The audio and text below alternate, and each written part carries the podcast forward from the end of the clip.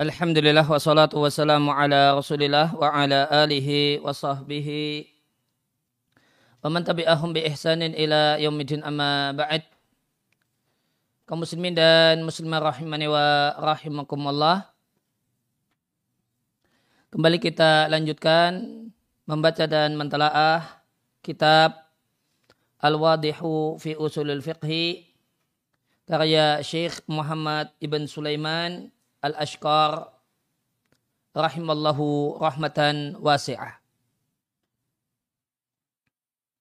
Dan ya, Alhamdulillah mulai pertemuan kali ini ya, kita ada dapatkan eh, versi PDF yang sesuai dengan ya, cetakan yang terbaru, cetakan Dar An-Nafais Yordania.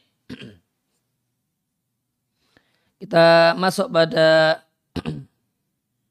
kesempatan kali ini kita masuk di asarud dukhuli tahta taklifi. Ya, sampai situ ya. Dampak atau pengaruh ketika seorang itu masuk dalam kategori mukallaf. Jika seorang itu berakal idza balagha syarsu jika seorang itu balik akilan dalam keadaan berakal. Zakaron kana au ungsa. Baik laki-laki ataupun perempuan, maka dia adalah mukallaf. Ya, mukallaf dalam ya, ilmu fikih dan usul fikih artinya orang yang balik dan berakal. Ketika dia berakal, sabatat lahu al-ahkamu taliyatu, maka berlaku untuknya berbagai macam ketentuan sebagai berikut bisurutiha dengan syarat-syaratnya. Yang pertama, talzamuhul wajibatu syar'iyatu. Wajib baginya menjalankan kewajiban-kewajiban syariat semacam sholat wajib, puasa wajib, dan haji yang wajib. Dia berhak untuk mendapatkan dosa dan hukuman akhirat karena meninggalkan kewajiban dan melakukan hal yang haram. Khilafan fi kulli dalam ini semua seorang mukallaf itu berbeda dengan non mukallaf. Di sini digunakan kata-kata yastahikul ithma berhak untuk mendapatkan dosa dan hukuman ya, dikarenakan di akhirat nanti orang yang menghadap Allah dengan membawa dosa asalkan dosa itu bukan dosa kemusyrikan dan yang selevel dengannya itu tahta masyiatillahi. Terserah kehendak Allah sehingga belum tentu dihukum. Ya, sehingga statusnya berhak untuk mendapatkan hukuman. Dan dalam poin ini mukallaf berbeda dengan non mukallaf. Maka al wajibat syariah wajib kewajiban-kewajiban syariat itu menjadi satu keharusan. Sedangkan untuk non mukallaf ya tidak menjadi sebuah keharusan. Ya, tidak menjadi satu keharusan. Ya, kalau sudah tamyiz kemudian melakukan sholat, puasa sebagaimana telah dibahas, ya, maka yang didapatkan adalah pahala uh, pahala ibadah sunnah. Ya, dan kalau sudah mukallaf, uh, maka dapat pahalanya pahala wajib. Kemudian yang kedua, tan akidu ibadatuhu al-mafrudatu fardon. maka tanak itu sudah sah. Ibadah itu ibadah-ibadah fardu yang dia lakukan sudah sah sebagai fardu. Sehingga dia tidaklah wajib baginya fi'lun akhar melakukan yang lainnya. Semacam sholat dan haji, lain halnya dengan non mukallaf.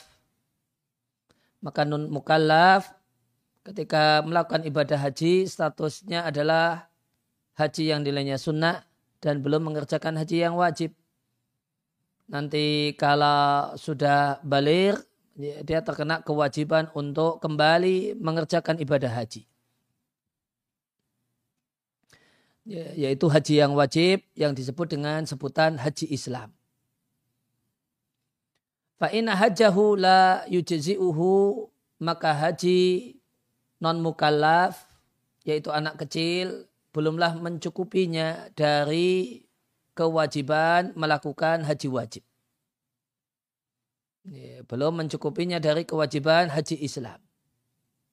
Balla lahu min hajjatin ukhra ya, harus baginya melakukan haji yang lainnya setelah balik yang itulah yang berstatus sebagai haji Islam.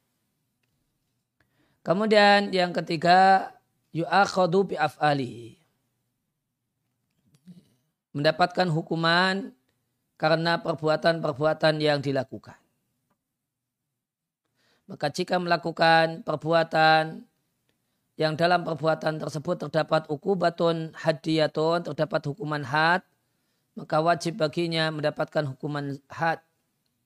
Semisal seandainya dia berzina atau mencuri, dan wajib baginya e, mendapatkan kisos ya, jika dia membunuh maksuman orang yang terjaga darahnya dalam hal ini yang dimaksudkan adalah muslim.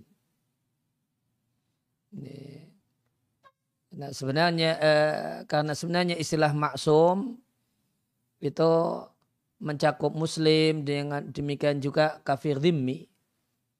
Namun kalau seorang muslim membunuh orang kafir, kafir dhimmi, tidak ada kisos padanya. Sehingga dimaksud dengan maksuman di sini hanyalah ketika membunuh muslim.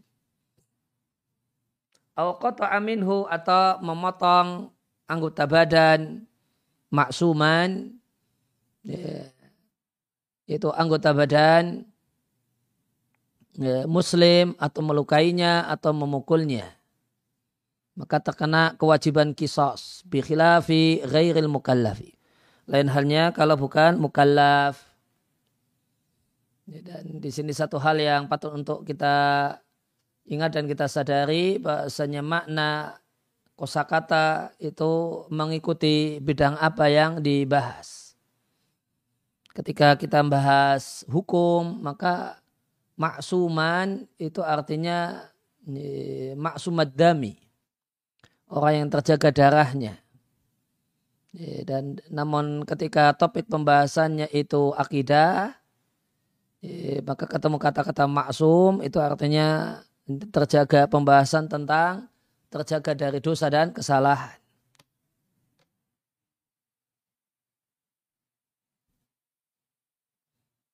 Kemudian yang keempat, yu'akhodu bi akwalihi. Ya, dia de, segala ucapannya itu sudah harus dipertanggungjawabkan. Sehingga sah ketika dia menikah karena menikah itu dengan kata-kata watolakuhu dan menjatuhkan talak dan talak itu dengan kata-kata dan sah ketika dia bernadar dan sah ketika dia ikrar mengakui kalau memiliki kewajiban finansial itu dalam fikih disebut dengan sebutan ikrar ya, betul saya memiliki utang sebanyak 500 ribu rupiah ya, kepada si A.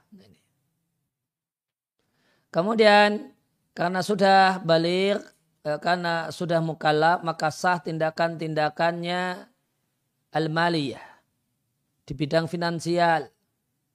Misalnya menjual, menyewakan, hibah, wakaf, bersedekah, meminjamkan barang, menerima barang titipan, dan semacam itu.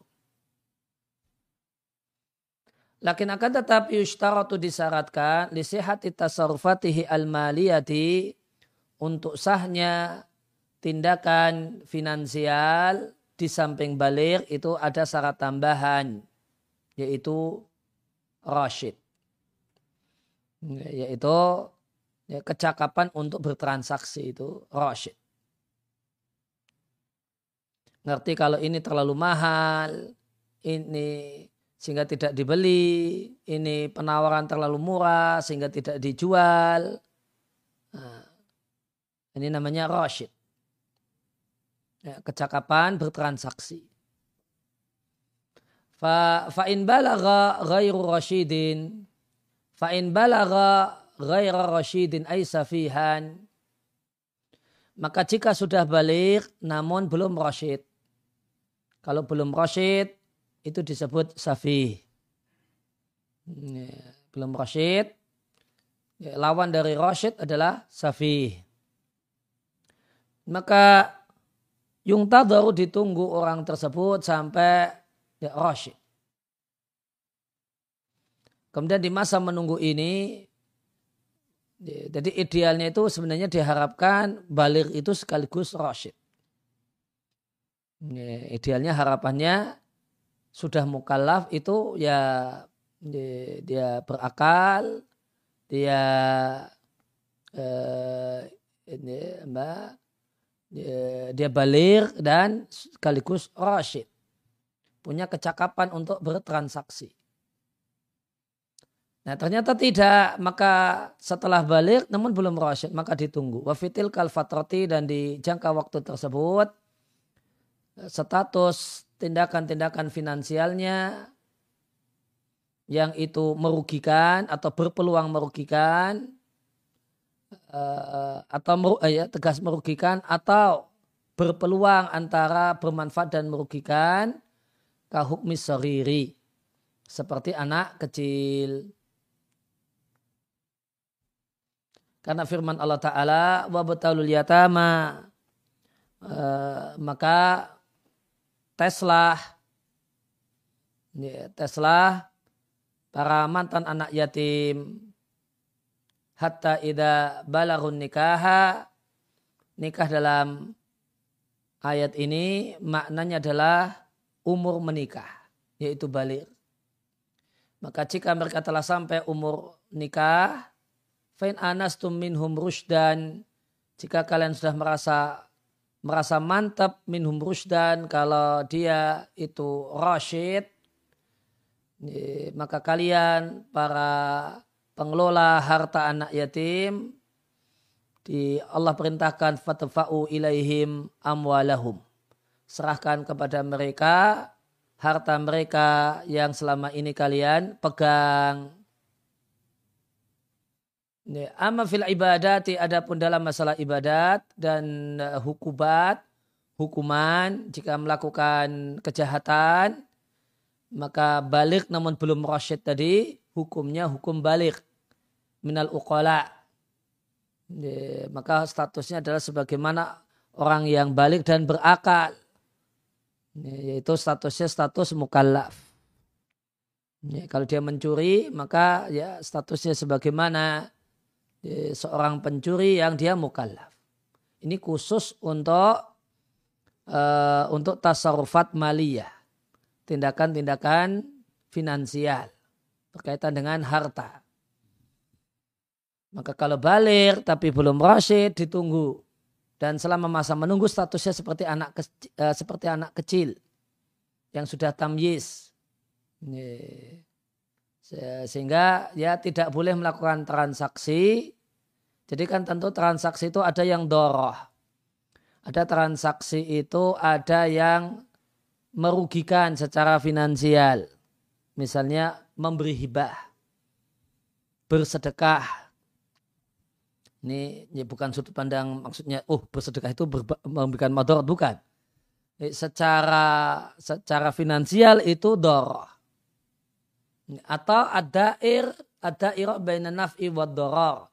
Atau eh, berpeluang untuk ya jika bermanfaat atau berbahaya. Contohnya jual beli. Bisa untung, bisa rugi. Bisa diakali, bisa tidak Kemudian ada akad, ya, akadnya itu bermanfaat. Akad bermanfaat itu menerima sedekah, menerima hadiah, menerima hibah. Itu murni bermanfaat. Ya, maka kalau kalau orang yang safih itu seperti anak kecil. Kalau akad yang manfaat sah. Akad manfaatnya, akad yang menguntungkan itu sah. Sah menerima sedekah, sah menerima hibah, sah menerima hadiah gitu. Kalau akadnya akad yang merugikan, memberi hibah, memberi hadiah, ya, itu akadnya tidak sah kecuali jika diizinkan oleh wali. Pihak yang e, bertanggung jawab atas dirinya. Demikian juga transaksi yang berputar antara manfaat dan doror, yaitu jual beli. Itu sah jika mendapatkan izin dari wali. Kemudian kaidah kaidah penting ada mutaklifi la yastalzimu ada mal hukmi al wada'i. Uh, bukan mukallaf itu tidak mengharuskan hilangnya hukum wada'i. Dan ini telah dicontohkan anak kecil ngerusak itu wajib diganti, wajib mengganti. Maka semua orang yang telah kami katakan dalam uraian yang lewat kalau dia belum mukallaf itu layam nak tidak menghalangi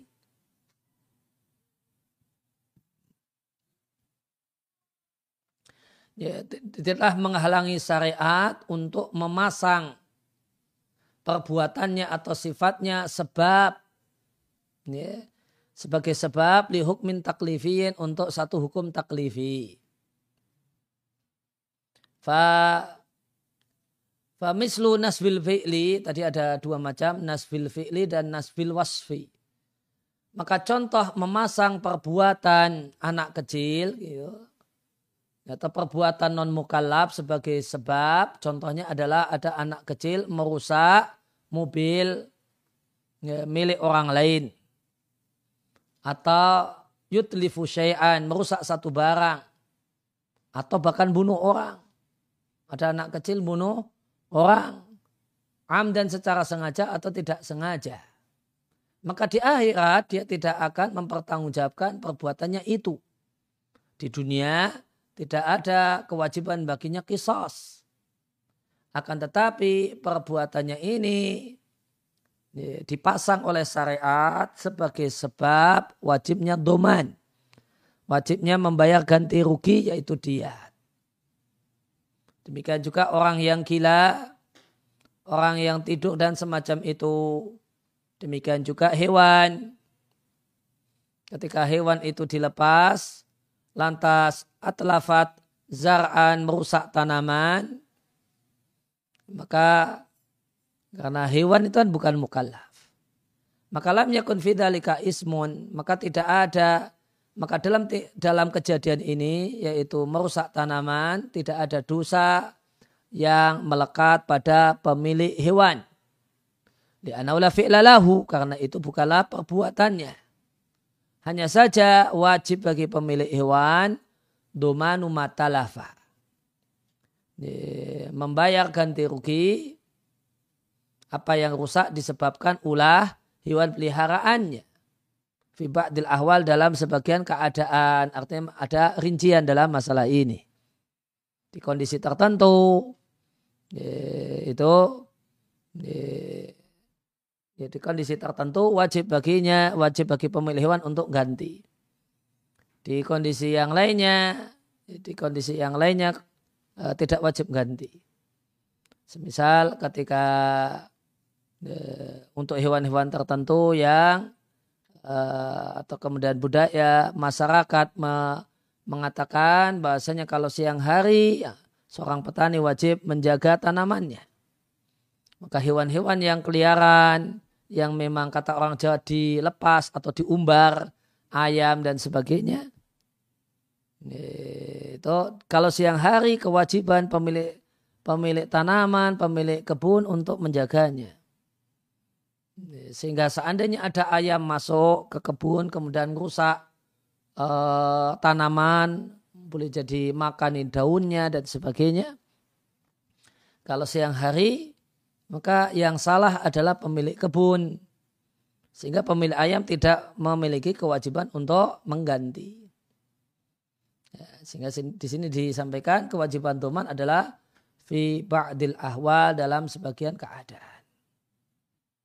Wa min hadzal babi dan termasuk dalam hal ini adalah anak kecil wajib bayar terdapat kewajiban zakat pada hartanya anak yatim yang punya harta yang banyak karena warisan uh, ayahnya yang meninggal dunia dan sudah sampai nisab itu wajib dibayari zakatnya setiap tahunnya oleh uh, maka harta anak yatim ini terkena kewajiban zakat. Dan yang wajib membayarkannya adalah walinya. Liana karena zakat itu mu'aliqatun itu melekat pada adanya harta yang sampai nisab. Tanpa melihat apakah pemiliknya mukallaf ataukah bukan. Maka sama saja pemiliknya itu mukallaf, pemiliknya itu orang gila, pemiliknya itu safih, pemiliknya itu anak kecil sama. Demikian juga talzamu zakatul fitri wajib zakatul fitri fi malihi. Ya, wajib zakatul fitri pada harta si anak kecil ini. Ya. Ya? Uh, dalam masalah ini terdapat ya, mbak, uh, perbedaan pendapat di antara ulama misalnya istri dan anak kecil itu apakah zakat fitrinya itu kewajiban ini apakah itu e, kewajiban orang yang menafkainya ataukah kalau dia punya harta itu kewajiban hartanya itu ada perselisihan pendapat dalam masalah ini yang kita tangkap di sini pendapat yang di diambil oleh uh, penulis uh, zakatul fitri itu uh, menjadi kewajiban pada harta si anak kecil. Bukan uh, kewajiban orang yang menafkahinya. Ini boleh jadi misalnya anak kecil ini dia punya harta, dia anak yatim, dia punya harta, kemudian ada yang menafkahinya, yang menanggung hidupnya, yang menanggung hidupnya, Ya, dan dia dia sendiri juga punya harta warisan orang tuanya.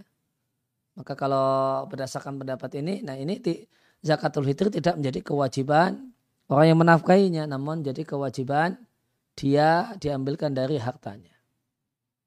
Kemudian yang kedua tentang memasang wasaf, memasang sifat sebagai sebab. Contohnya adalah butuh ada bagi anak kecil dan orang gila al-mirathu hak warisan dikarenakan dia menjadi suami bagi wanita yang meninggal dunia atau karena dia menjadi kerabat lil mayit, kerabatnya mayit. Contoh kerabat adalah anak. Perlu diketahui kerabat dalam bahasa uh, Arab dan bahasa fikih berbeda dengan kerabat dalam bahasa Indonesia. Nah, kerabat itu hubungan darah, maka termasuk kerabat adalah anak. Dan yang dimaksud kerabat di sini contohnya adalah anak. Ya, ketika anak kecil atau orang gila ini dia adalah anaknya mayit. Maka dia punya uh, ya, dia punya hak warisan.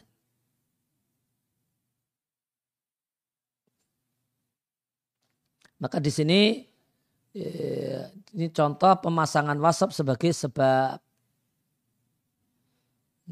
yaitu wasafnya adalah kerabatnya mayit. Ya, contohnya anaknya mayit itu menjadi sebab berhak mendapatkan warisan. Watajibu fi malihi dan wajib pada hartanya anafaqatu li zaujatihi, menafkahi istrinya. Jadi ketika misalnya ada suami yang gila ya, dan dia punya harta, Ya, karena stres mikirkan satu permasalahan, dia jadi gila. Dan dia punya harta, punya tabungan. Maka di hartanya tersebut terdapat kewajiban untuk dipakai sebagai nafkah untuk istrinya. Demikian juga bahkan nafkah untuk kedua orang tuanya. Dan menafkahi orang tua itu wajib dengan dua syarat yang disebutkan dan disyaratkan disebutkan di sini. Ingka anak ingka nafakira ini orang tua itu miskin. Kemudian yang kedua anak itu kaya. Ya, meskipun dia gila, meskipun dia gila. Ya, cuma kalau gila ya kewajiban menafkahi ya, maka meskipun dia gila tetap ada kewajiban karena kewajibannya melekat pada hartanya. Ya, tidak pada orangnya, namun pada hartanya. Di menafkahi orang tua itu bagian dari berbakti ya, sehingga bisa ketika orang tua itu sebenarnya ya cukup namun diberi uang atau diberi uang belanja ya ini statusnya adalah bakti yang sunnah bukan bakti yang wajib. Ya, namun dalam kondisi tertentu, ya, anak itu wajib menafkahi orang tuanya. Maka di sini eh, status hukumnya adalah berbakti kepada orang tua yang wajib. Dan berbakti kepada orang tua yang wajib dalam bentuk menafkahi itu syaratnya dua yang disebutkan di sini yaitu orang tua itu fakir. Kalau orang tua tidak fakir maka tidak wajib eh, ya tidak eh, tidaklah wajib misalnya mengasih uang bulanan untuk orang tua itu tidak wajib. Ya, karena misalnya orang tua pensiunan punya punya duit pensiunan ya cukup duitnya itu. Bahkan sisa-sisa. Ya, sehingga berlimpah. Nah, ini tidak wajib anaknya menafkainya non kalau fakir Ya, karena tidak mampu untuk bekerja, tidak punya aset, tidak punya tabungan. Ya tabungannya adalah anaknya, maka anak wajib e, menafkahi. Dan jika ada beberapa anak, semua anak wajib menafkahi tanpa melihat anak laki-laki ataupun perempuan. Semuanya wajib menafkahi. Kemudian yang kedua, anak ini berkecukupan. Artinya nafkah, e, nafkah dia untuk keluarganya, istri dan anak-anaknya sudah beres dan berlebih dalam keadaan orang tuanya fakir maka wajib menafkahi orang tua.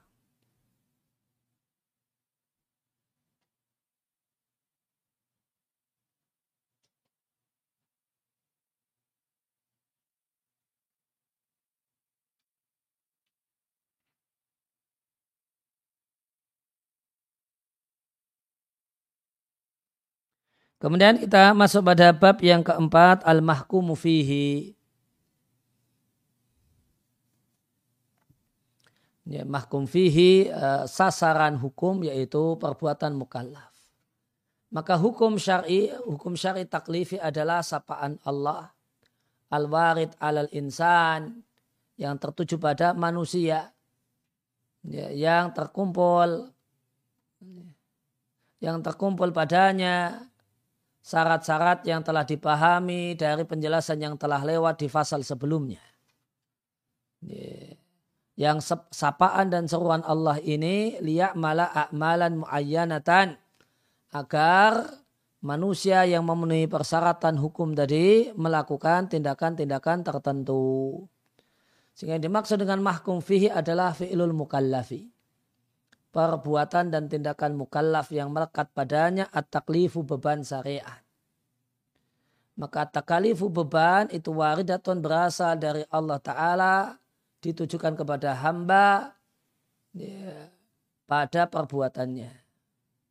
Wa inama waradati takalifu dan hanyalah terdapat ya, beban-beban syariat, ibtilaan sebagai cobaan dari Allah Ta'ala kepada mereka supaya jelas siapakah yang mentaati Allah lantas Allah akan muliakan dengan surganya dan siapakah yang durhaka kepada Allah lantas Allah akan memasukkannya ke tempat hukuman dan siksaannya sebagaimana firman Allah taala "Tsumma ja'alnakum khala'ifa fil ardi min ba'dihim."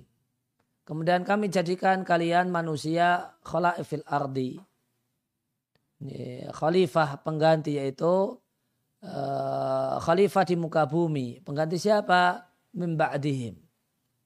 Generasi sebelum uh, uh, sebelumnya.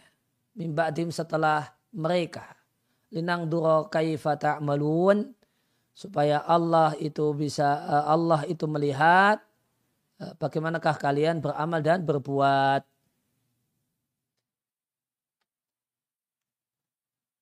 atau lebih memastikan kita cek di Al-Mukhtasar fi Tafsir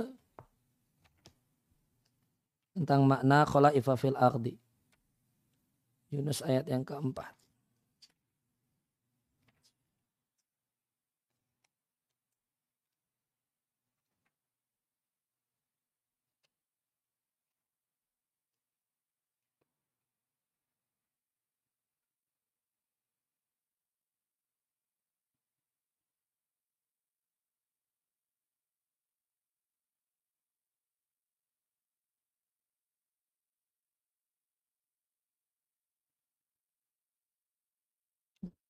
14 ya.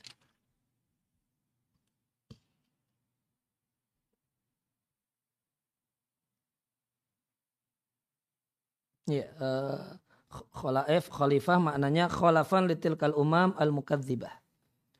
Pengganti umat-umat terdahulu yang mendustakan yang telah kami binasakan. Fataklifu maka hanyalah beban syariat itu inama huwa beban syarat itu disebabkan perbuatan manusia. Fafi'luhu maka perbuatan manusia itulah yang al-mahkumu fihi yang menjadi sasaran hukum sehingga wa bikaunihi wajiban alaih menjadi kewajibannya atau haram untuk dia lakukan, dianjurkan untuk dilakukan, makruh untuk dilakukan atau mubah.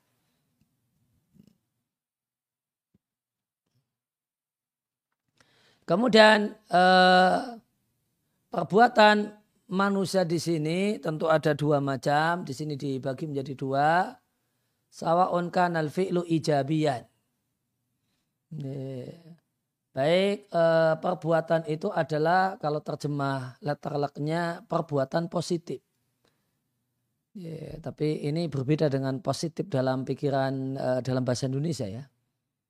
Ya, nanti perbuatan negatif itu kan perbuatan yang terlarang ya. ya padahal ternyata kita lihat beda. Uh, yang dimaksud uh, perbuatan positif adalah perbuatan dalam bentuk melakukan tindakan. Ya. Sehingga contohnya sholat, zakat, dan haji. Yang kedua, perbuatan salbiat Ya, salbian itu kalau terjemah letterleknya negatif. Tapi yang dimaksudkan di sini adalah perbuatan dalam bentuk e, tidak berbuat. Ini perbuatan bentuknya itu tidak berbuat. Salap itu kan menghilangkan. Ini dari kata-kata salbun, salbun itu merampas dan menghilangkan. Menghilangkan perbuatan gitu. Eh, contohnya adalah puasa. Puasa itu perbuatan dalam bentuk tidak berbuat. Karena orang puasa itu tidak makan, tidak minum, eh, jadi kan tidak berbuat.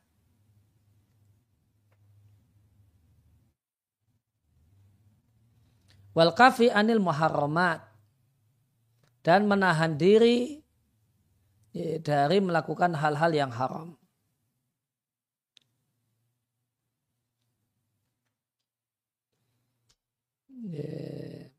Perlu diketahui di sini digunakan diksi kaf al kaf anil muharramat bukan tarkul muharramat.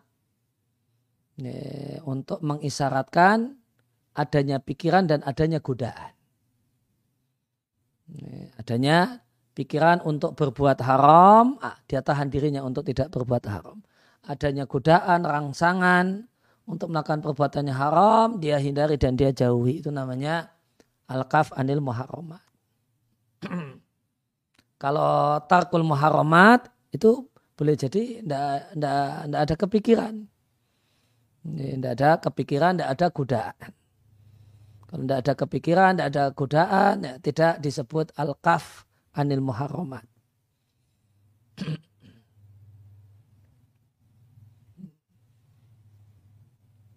ya, jadi uh, ya, tidak berbuat ya, itu bisa jadi kalau dalam bahasa Arab itu tidak berbuat itu sesuatu yang wujudi dan bisa jadi sesuatu yang adami.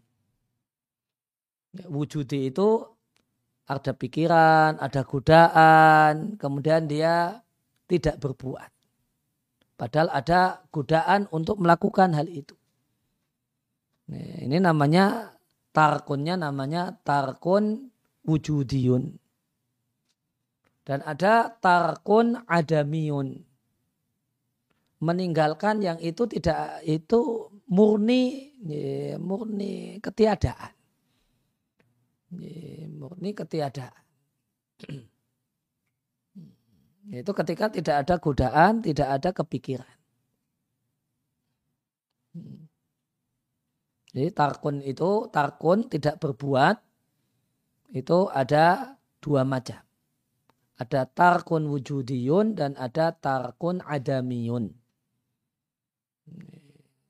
Ada tarkun wujudiyun dan ada tarkun adamiyun. tarkun wujudiyun itu ada godaan untuk berbuat yang eh, yang buruk, ada yang ngajak, ada keinginan, ada lintasan pikiran, keinginan, dia pengen nyoba, ya, kemudian ditinggalkan, maka ini tarkun wujudiyun. Tapi kalau kata orang Jawa belas sama sekali tidak kepikiran untuk belas atau sama sekali tidak kepikiran untuk uh, aneh-aneh itu namanya tarkun de adamiyun. Ya, tarkun adamiyun itu tidak ada nilainya. Tarkun adamiyun itu tidak ada nilainya. Yang ada nilainya itu tarkun wujudiyun. Nanti jika karena ditinggalkan karena takut kepada Allah ada pahalanya, ada nilainya. Itu tarkun wujudiyun. Dan tarkun wujudiyun itu di, diungkapkan dengan diksi al-kaf. Hmm, menahan diri.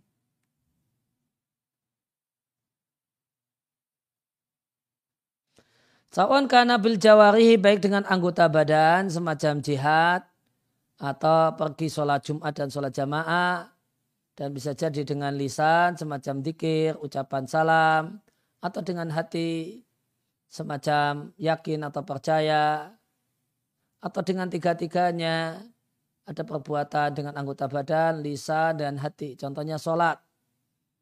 Ya, sholat itu di situ ada aktivitas ya, perbuatan lisan, ya, ada anggota badan, dan ada hati. Ya, lengkap di sholat itu ada tiga ibadah. Ibadah lisan, karena kalau sholat itu dibatin, ya, semuanya cuma dilewatkan di hati, semuanya dari takbiratul ihram sampai salam, sholatnya itu tidak sah dengan sepakat ulama. Ya, tidak sah dengan sepakat ulama. Ada ibadah dengan perbuatan, ruku itu perbuatan, sujud itu perbuatan, dan ada hati yaitu khusyuk, menghadirkan hati. Demikian juga syukur, syukur itu juga uh, ada tiga unsur dengan lisan, dengan anggota badan, dan dengan hati. Wayam bani ala dalika dan derivat dari hal tersebut dari orang yang di atas terbangunlah dari orang yang di atas al qawaidul usuliyatu taliyatu sejumlah kaidah-kaidah usuliyah berikut ini. Yang pertama adzawatu kaidah pertama adzawatu laisat mahkuman fiha. Benda itu bukan sasaran hukum. Ini kaidah yang pertama.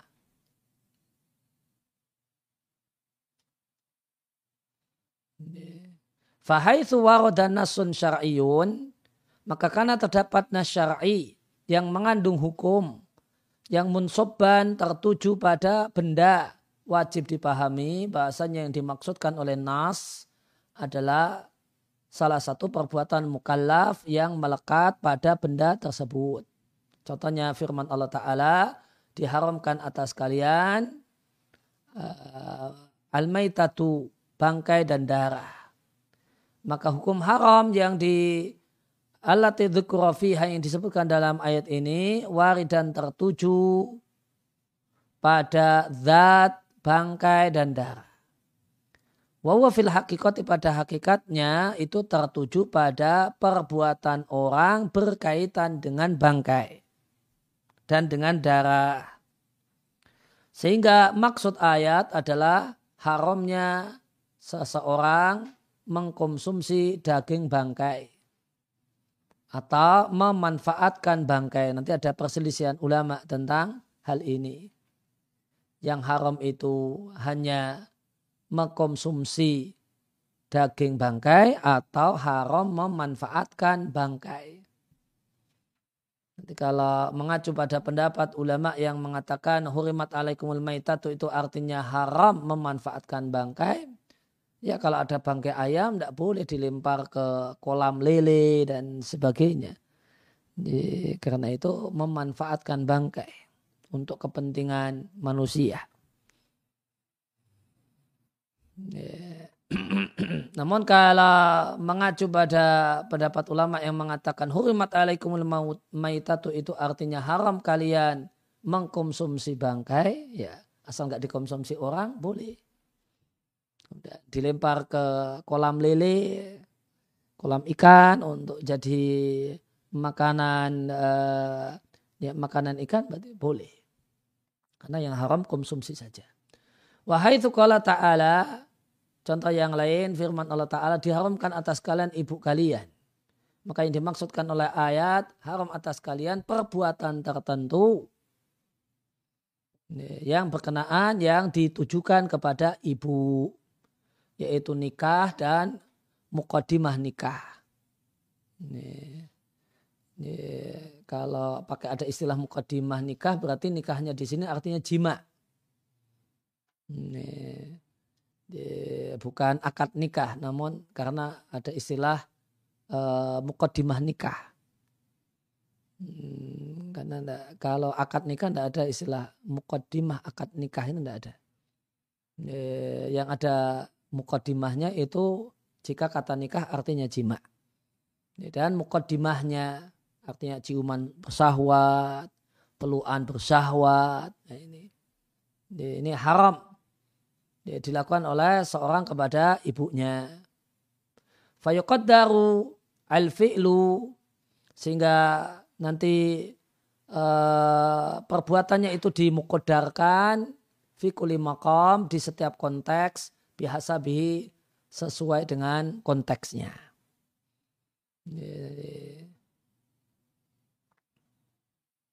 Sehingga dengan bahasa yang lain, e, pelabelan hukum haram kepada benda itu mimba bil majas. Itu mimba bil majas statusnya majas. Daging babi itu haram gitu. Itu maksudnya ya daging babi haram dimakan, haram dijual, haram dibeli, dan seterusnya.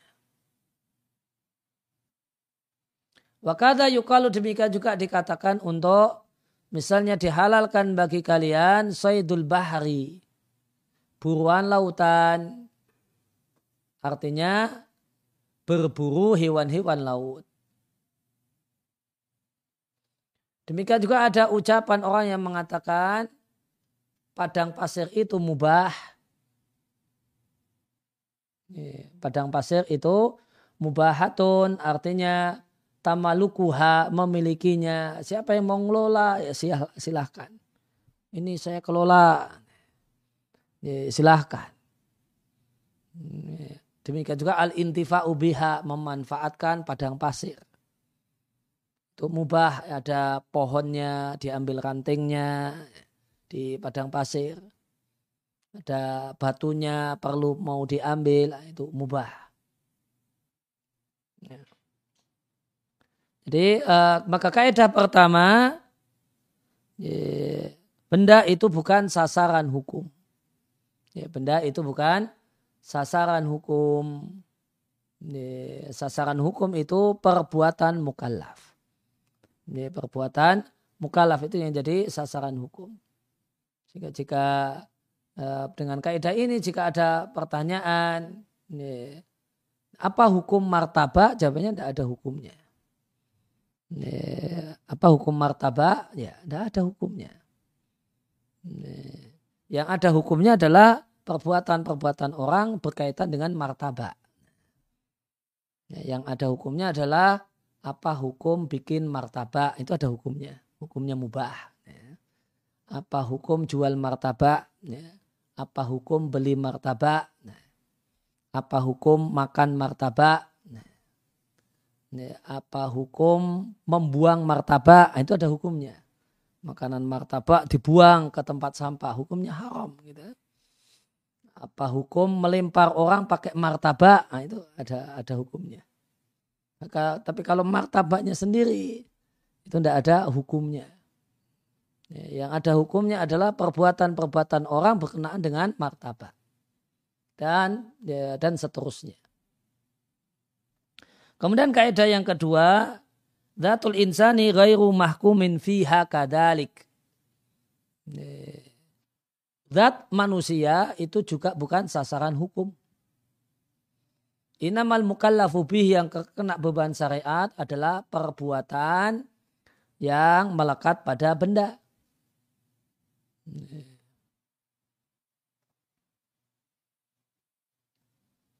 Semacam tatahur, uh, watanadzuf ya, membersihkan diri ya, mbak watanadzuf atau bersih-bersih diri.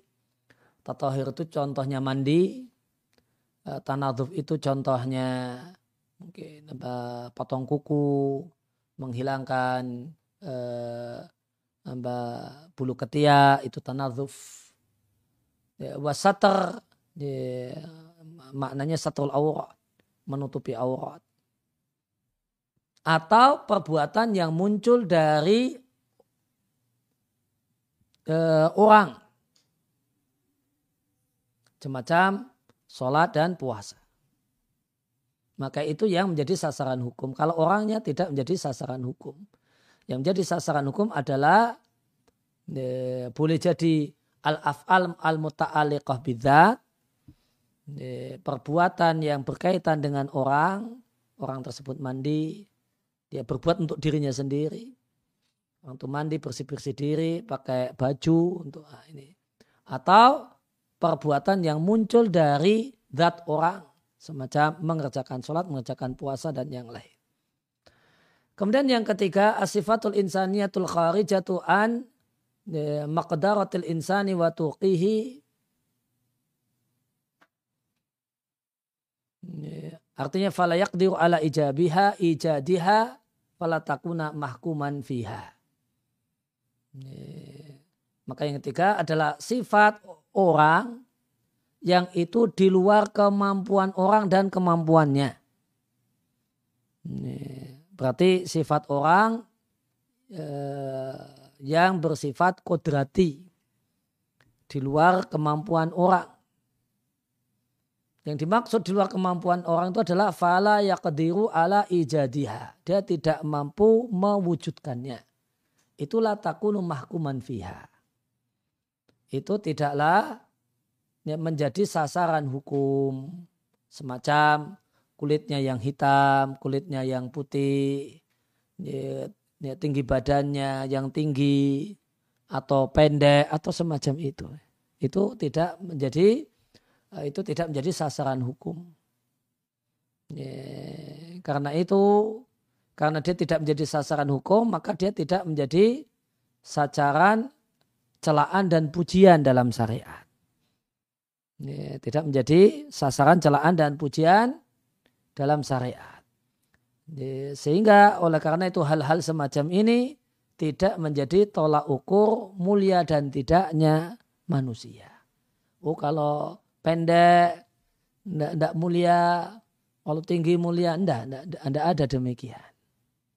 Tidak ada demikian. Oh kalau kulit putih itu mulia, kalau kulit hitam itu hina. Nah. Karena dia bukan sasaran hukum. Ya, dan itu ya, keadilan Allah Subhanahu wa taala. Ya, bentuk di antara bentuk keadilan Allah Subhanahu wa taala.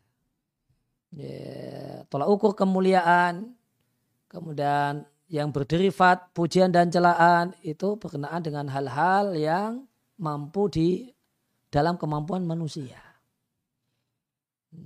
Dalam kemampuan manusia. Sehingga Eh, orang-orang uh, yang uh, orang-orang yang berbeda tidak perlu minder, tidak perlu orang tidak perlu minder dengan kulitnya yang hitam, orang tidak perlu minder dengan uh, hidungnya yang pesek, orang tidak perlu minder dengan rambutnya yang uh, uh, apa uh, keriting misalnya.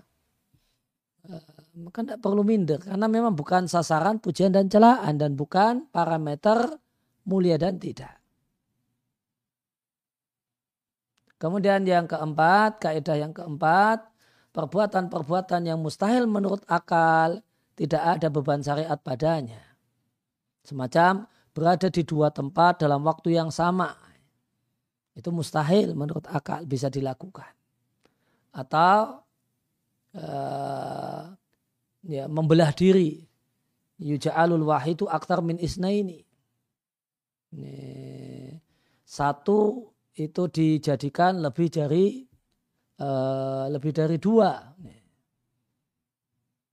atau menggabungkan di antara dua hal yang bertentangan diperintahkan untuk diam sekaligus bergerak dari di waktu yang sama ini tidak ada ini mustahil bisa dilakukan itu tidak ada beban syariat di dalamnya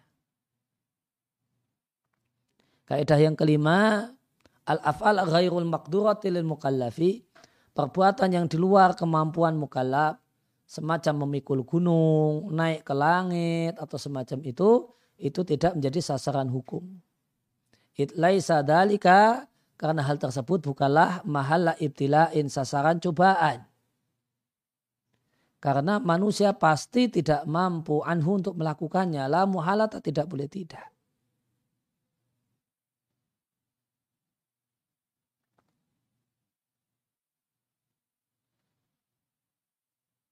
Kemudian kaidah yang keenam, perbuatan yang ghairul iradiyah, bukan karena keinginannya. Perbuatan ghairul iradiyah definisinya di perbuatan yang takau terjadi minal insani dari seseorang min ghair tiarihi bukan karena pilihannya semacam bernapas. Ya, napas itu sudah otomatis, tidak harus uh, saya ingin bernapas, kemudian baru bernapas. Uh, demikian juga marah, kemudian cinta dan uh, benci atau tidak suka. Wal marah dan rasa pahit yang dijumpai saat mencicipi makanan yang pahit. Rasa manis karena mencicipi makanan manis. Dan seterusnya itu tidak ada beban syariat padanya li'adamil kudrati ala ala dzalika karena tidak ada kemampuan untuk melakukan hal itu. Id karena innaha hal-hal tersebut tujadu dijumpai tilqaian tilqaian itu otomatis. Otomatis ketika ada sebab yang menuntutnya. Bimujibi dengan dengan faktor pendorong tabiat Eh, tabiat manusia. Wa apa itu? Tarki tarkibatihi al badaniyah dan susunan badannya atau wa nafsiyah dan kejiwaannya. Nah, maka ini menarik uh, kalau kita loh itu ada larangan marah gimana? Ya, ada larangan marah itu bagaimana? Maka lanjutnya Wa idha ma warada fin nususi jika terdapat dalam teks syariat ma ada teks zahiruhu yang zahirnya adalah at-taklifu beban pembebanan syariat bisyai'in min dhalik dengan salah satu dari hal di atas. maka maknanya adalah dua. Ya, maknanya adalah dua atau salah satu dari dua. Fa'ima'an ayyakunal muradu bihi, maka boleh jadi yang dimaksudkan bi dengan teks, fil hakikati pada hakikatnya adalah melakukan mukaddimah-mukaddimah perbuatan yang menghasilkan hal itu. Atau menguasai dan mengendalikan dampak-dampaknya yang uh, menyusul yang merupakan efek atau susulan dari perbuatan itu. il awali maka untuk jenis pertama yang dimaksudkan adalah mukaddimahnya ya, yang dimaksudkan adalah mukaddimahnya ah, adalah hadis Yang di catatan kaki disampaikan kalau ini riwayat Tirmidzi. Ahibbullaha ya, cintailah Allah lima dikarenakan ya, yuradzukum bihi min ni'amihi. Karena nikmat-nikmat yang Allah berikan kepada kalian. Maka yang dimaksudkan adalah mukaddimah cinta. Kemudian untuk yang kedua yang dimaksudkan adalah pengendalian terhadap dampak. Adalah hadis la tardob. Jangan marah. Ya, meskipun uh, untuk hadis la tardob jangan marah ini ada yang me, ada ulama yang menjelaskan maknanya adalah dua-duanya. Ya, mukaddimah serta dampak. Ya, jangan marah artinya ya, jangan mudah marah. Jangan mudah marah berkenaan dengan mukaddimah. Ketika ada hal-hal yang bikin marah, yang memang wajarnya hal seperti itu bikin marah. Ya, namun kitanya eh, diperintahkan untuk jangan mudah terpancing amarah gitu. Dan yang kedua dampak latar dop artinya jangan lampiaskan amarah tanpa kendali. Ya, berarti kalau dampak itu artinya jangan lampiaskan amarah karena dampak amarah adalah pelampiasan amarah dan yang tidak boleh melampiaskan amarah tanpa kendali.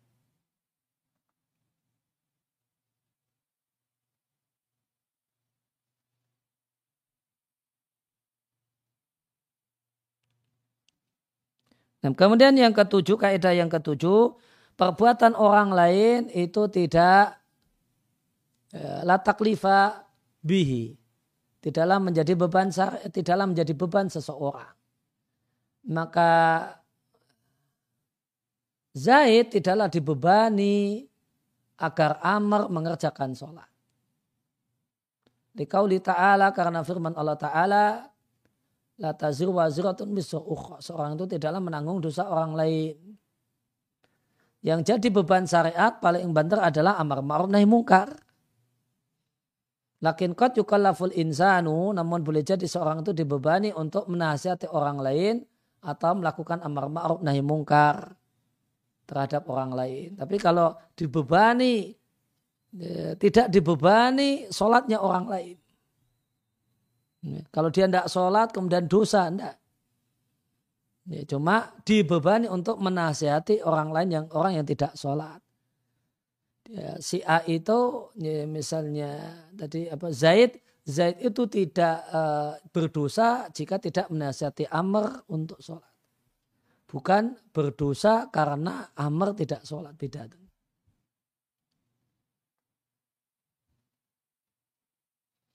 Kemudian yang kedelapan, kaidah yang kedelapan, anatakali fasyariyata, beban-beban syariat, la takunu bima fi masaqatun fadihatun. Tidaklah berupa kesulitan yang luar biasa atas mukallaf. Walau kana yakdir alaihi, meskipun orang itu bisa atau mampu melakukannya dengan mengorbankan jurih payah yang besar. Itu tidak menjadi beban syariat. Karena yang jadi beban syariat itu masyakoh adiyah. Ya, kesulitan yang masih wajar. Ya, tidak ada beban syariat yang tidak sulit, namun sulitnya sulit yang wajar. Sholat itu masyakoh, kesulitan. Namun kesulitan yang wajar, yang enteng, yang masih ringan dalam kemampuan manusia. Waman hadil kaidah dan dasar dari kaidah ini adalah anugerah Allah dan kasih sayang Allah untuk umat ini. Maka tidak ada maka tidaklah menjadi beban syariat dalam umat Muhammad SAW semisal bunuh diri atau e, bersedekah dengan semua harta. Bahkan e, takalib al-mu'tadah ya, ke, e, ya, beban e, kesulitan yang wajar itu jika kharajat jika keluar dalam sebagian sikon, duruf sikon, berubah menjadi masyakkah, menjadi kesulitan yang besar, walharot dan kesempitan, masyidah dan kesusahan, jala badalika ma'ahu at-taisira. Maka itu mendatangkan kemudahan. Watarkhis dan adanya ruhsah, watashil dan diberi kemudahan dengan bituruqihi al-mukhtalifah. Dengan berbagai macam bentuknya, sebagaimana telah lewat dalam pembahasan ruhsah. Ya, maka beban ban syariat itu uh, itu ada masakoh, namun masakohnya masakoh yang mu'tadah. Masakoh yang wajar, masakoh yang biasa. Nah masakoh yang biasa ini ketika dalam kondisi tertentu itu nanti akan diberi keringanan. Puasa itu masakoh, namun masakoh biasa. Ketika safar diberi keringanan, tidak harus uh, berpuasa. Kemudian fal mutaru maka contohnya orang yang dalam kondisi darurat dihilangkan beban syariat untuk dia meninggalkan makanan yang haram. Dan orang yang di bawah pemaksaan dibolehkan baginya mengucapkan kata-kata kekafiran dan seterusnya. Sebagaimana firman Allah Ta'ala, Ma angzalna alaikal Qur'an litashqa. Tidaklah kami turunkan padamu Al-Quran supaya engkau sengsara. Dengan juga firman Allah Ta'ala, Allah menginginkan kemudahan bagi kalian dan tidak menginginkan kesulitan. Demikian juga firman Allah Ta'ala, La yukalifullahu nafsan illa wus'aha. Allah tidaklah membebani satu jiwa kecuali sesuai dengan kemampuannya. Rabbana wala tahmil alaina isran kama hamal ta'ala alladina min qablina. Baik Rabb kami, janganlah engkau bebani kami beban berat bagaimana yang telah engkau bebankan kepada umat-umat sebelum kami. Wahadil ayatul akhirat ayat yang terakhir ini terakhir disampaikan dari surat Al-Baqarah menunjukkan bahasanya beban syariat jenis ini Obama boleh jadi terdapat pada umat-umat terdahulu. Dan ini dikuatkan oleh firman Allah Ta'ala ketika membahas tentang uh, nabinya Muhammad Sallallahu Alaihi Wasallam Allah katakan wa dan sang nabi itu menghilangkan anhum dari umatnya israhum beban berat wal aghla dan belenggu Isra itu berkenaan dengan wajibat, sedangkan al-aghlal, belenggu itu berkenaan dengan al-muharramat. Alatikanat alaihi yang dulu membebani mereka.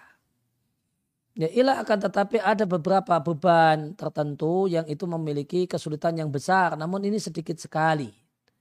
Wa dan hanyalah terjadi beban syariat dengannya karena maslahat yang diinginkan dengan melakukan perbuatan itu lebih besar daripada kesulitannya. Dan tidaklah mungkin terwujud kemaslahatan tersebut dengan cara-cara yang lainnya.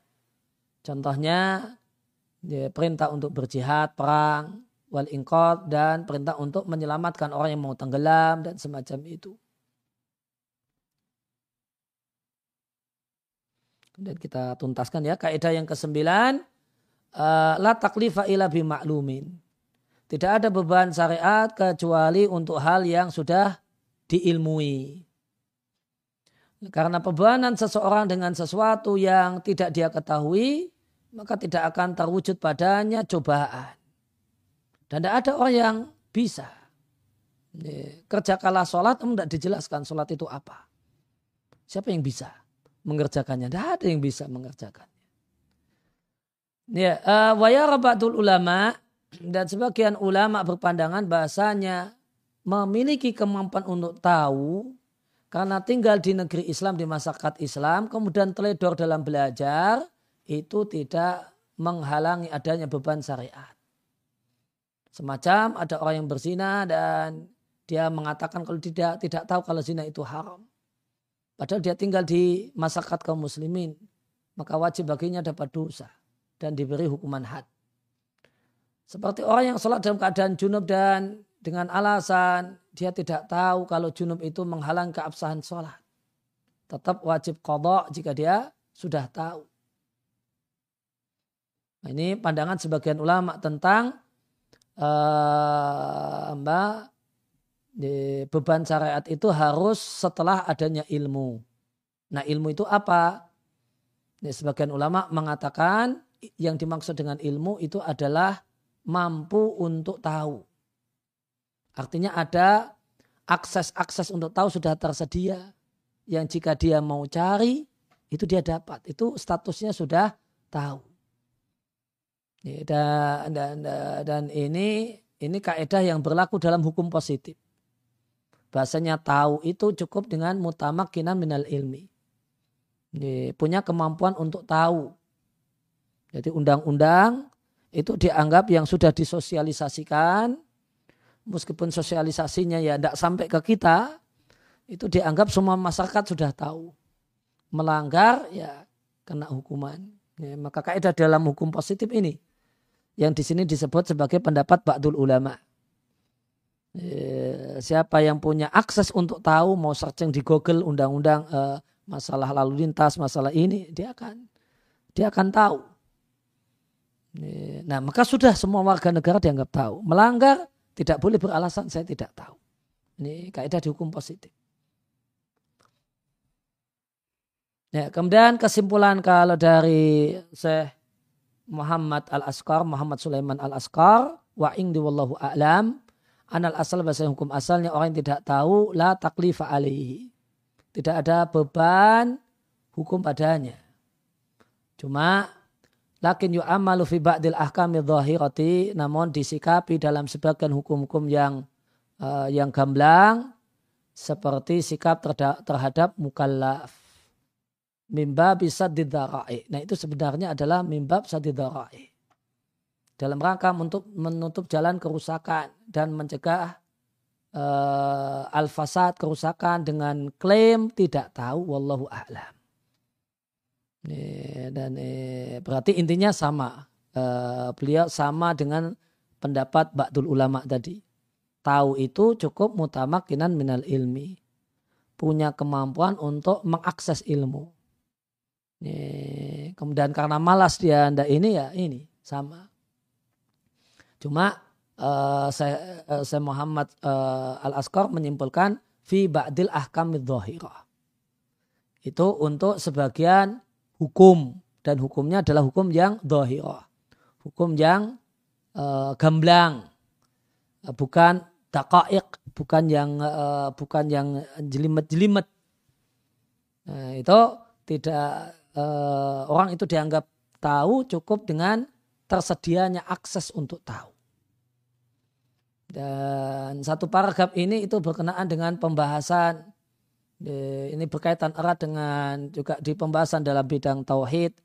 Gimana kalau ada orang yang mengatakan tidak tahu atau uh, kemudian melakukan kemusyrikan. Ini intinya juga berkaitan di sini. Ini, ini kalau kaedahnya ya mutamakinan minal ilmi atau sama dengan kaedahnya uh, yang dipilih oleh Syekh Muhammad Sulaiman Al Askar ya dia statusnya tidak boleh nggak bisa jadi udur jika dia tinggal di masyarakat kaum muslimin, dakwah tauhid itu cukup berkembang. Tidak harus sampai ke dia. Cukup kalau dia mau mengakses bisa. Hmm, gitu. Kemudian eh, tanbih catatan untuk lima zidin minat tawasuk. Kalau untuk mau tambahan tawasuk berluas-luas dalam pembahasan ini jadi kalau mau mau mentelaah lebih lanjut lebih dalam dalam hal ini silakan merujuk pada pembahasan kaidah masa kota jilbut taisir di kitab Asbah wan Nadhair karya Suyuti dan Asbah wan Nadhair karya Ibnu Nujaim. Suyuti itu Syafi'i, Ibnu Nujaim itu Hanafi. Dan pembahasan maqasidus syariah di jilid yang kedua dari kitab Muwafaqat karya Asyatibi Al-Maliki. Pembahasan tentang ataisir di mausu'ah uh, fiqiyah. Kemungkinan mausu'ah fiqiyah kuwaitiyah. Wawa min idad munsanifu hadal kitabi dan uh, materi taisir di kitab Mausu'ah Fiqiyah mungkin Kuwaitiyah itu adalah materi yang ditulis oleh penulis buku ini. Min Iqdad disiapkan oleh penulis buku ini yaitu saya Muhammad Sulaiman Al-Ashqar. Ya, demikian yang kita kaji dalam kesempatan kali ini. Wassallallahu ala nabiyina Muhammadin wa ala alihi wa sahbihi wa salam. Wa akhiru da'wana alhamdulillahi rabbil alamin.